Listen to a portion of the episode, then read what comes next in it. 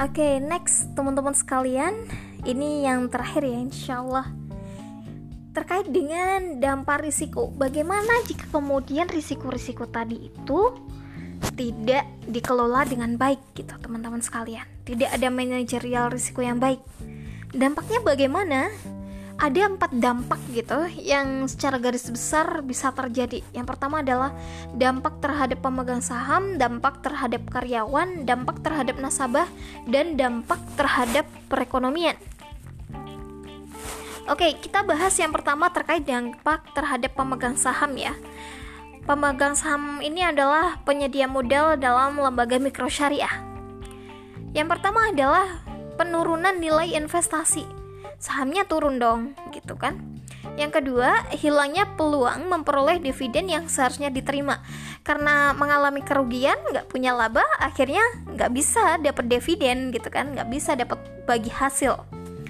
Yang ketiga adalah karena nggak dapat dividen, investasinya turun, tentu saja ini merupakan kegagalan investasi yang telah dilakukan.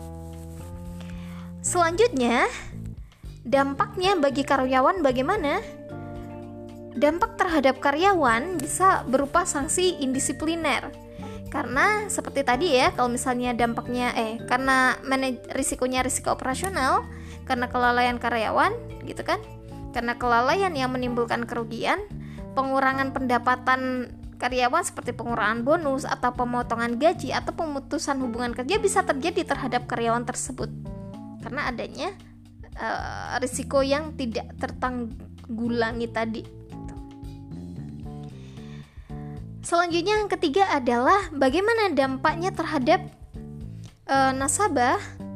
Dampaknya terhadap nasabah adalah bisa jadi uangnya nasabah hilang, gitu kan?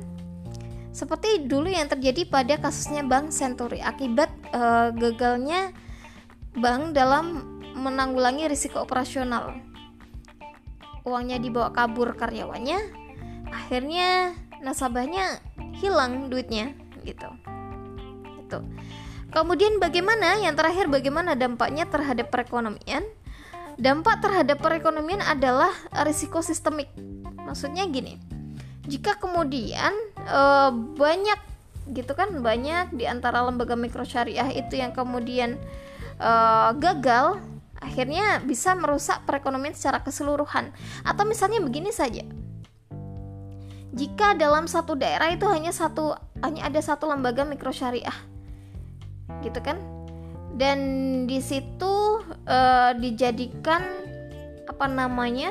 dijadikan uh, apa ya namanya organisasi utama, organisasi keuangan utama bagi masyarakat sekitar.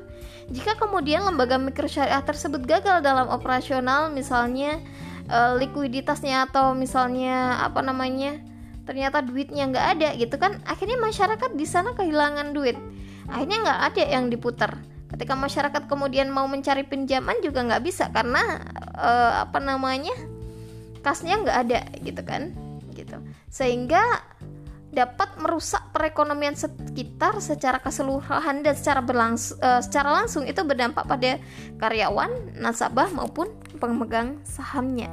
Gitu, teman-teman sekalian. Oke, okay, uh, eh, demikian uh, yang mau saya sampaikan terkait dengan materi pertama kita yakni pengantar manajemen risiko. Semoga teman-teman bisa memahami dan semoga semuanya bisa mendapatkan manfaat dari mempelajari mata kuliah ini. Dari saya demikian, terima kasih. Monggo silakan jika ada pertanyaan dituliskan nanti setelah uh, presentasi yang kelompok pertama ya.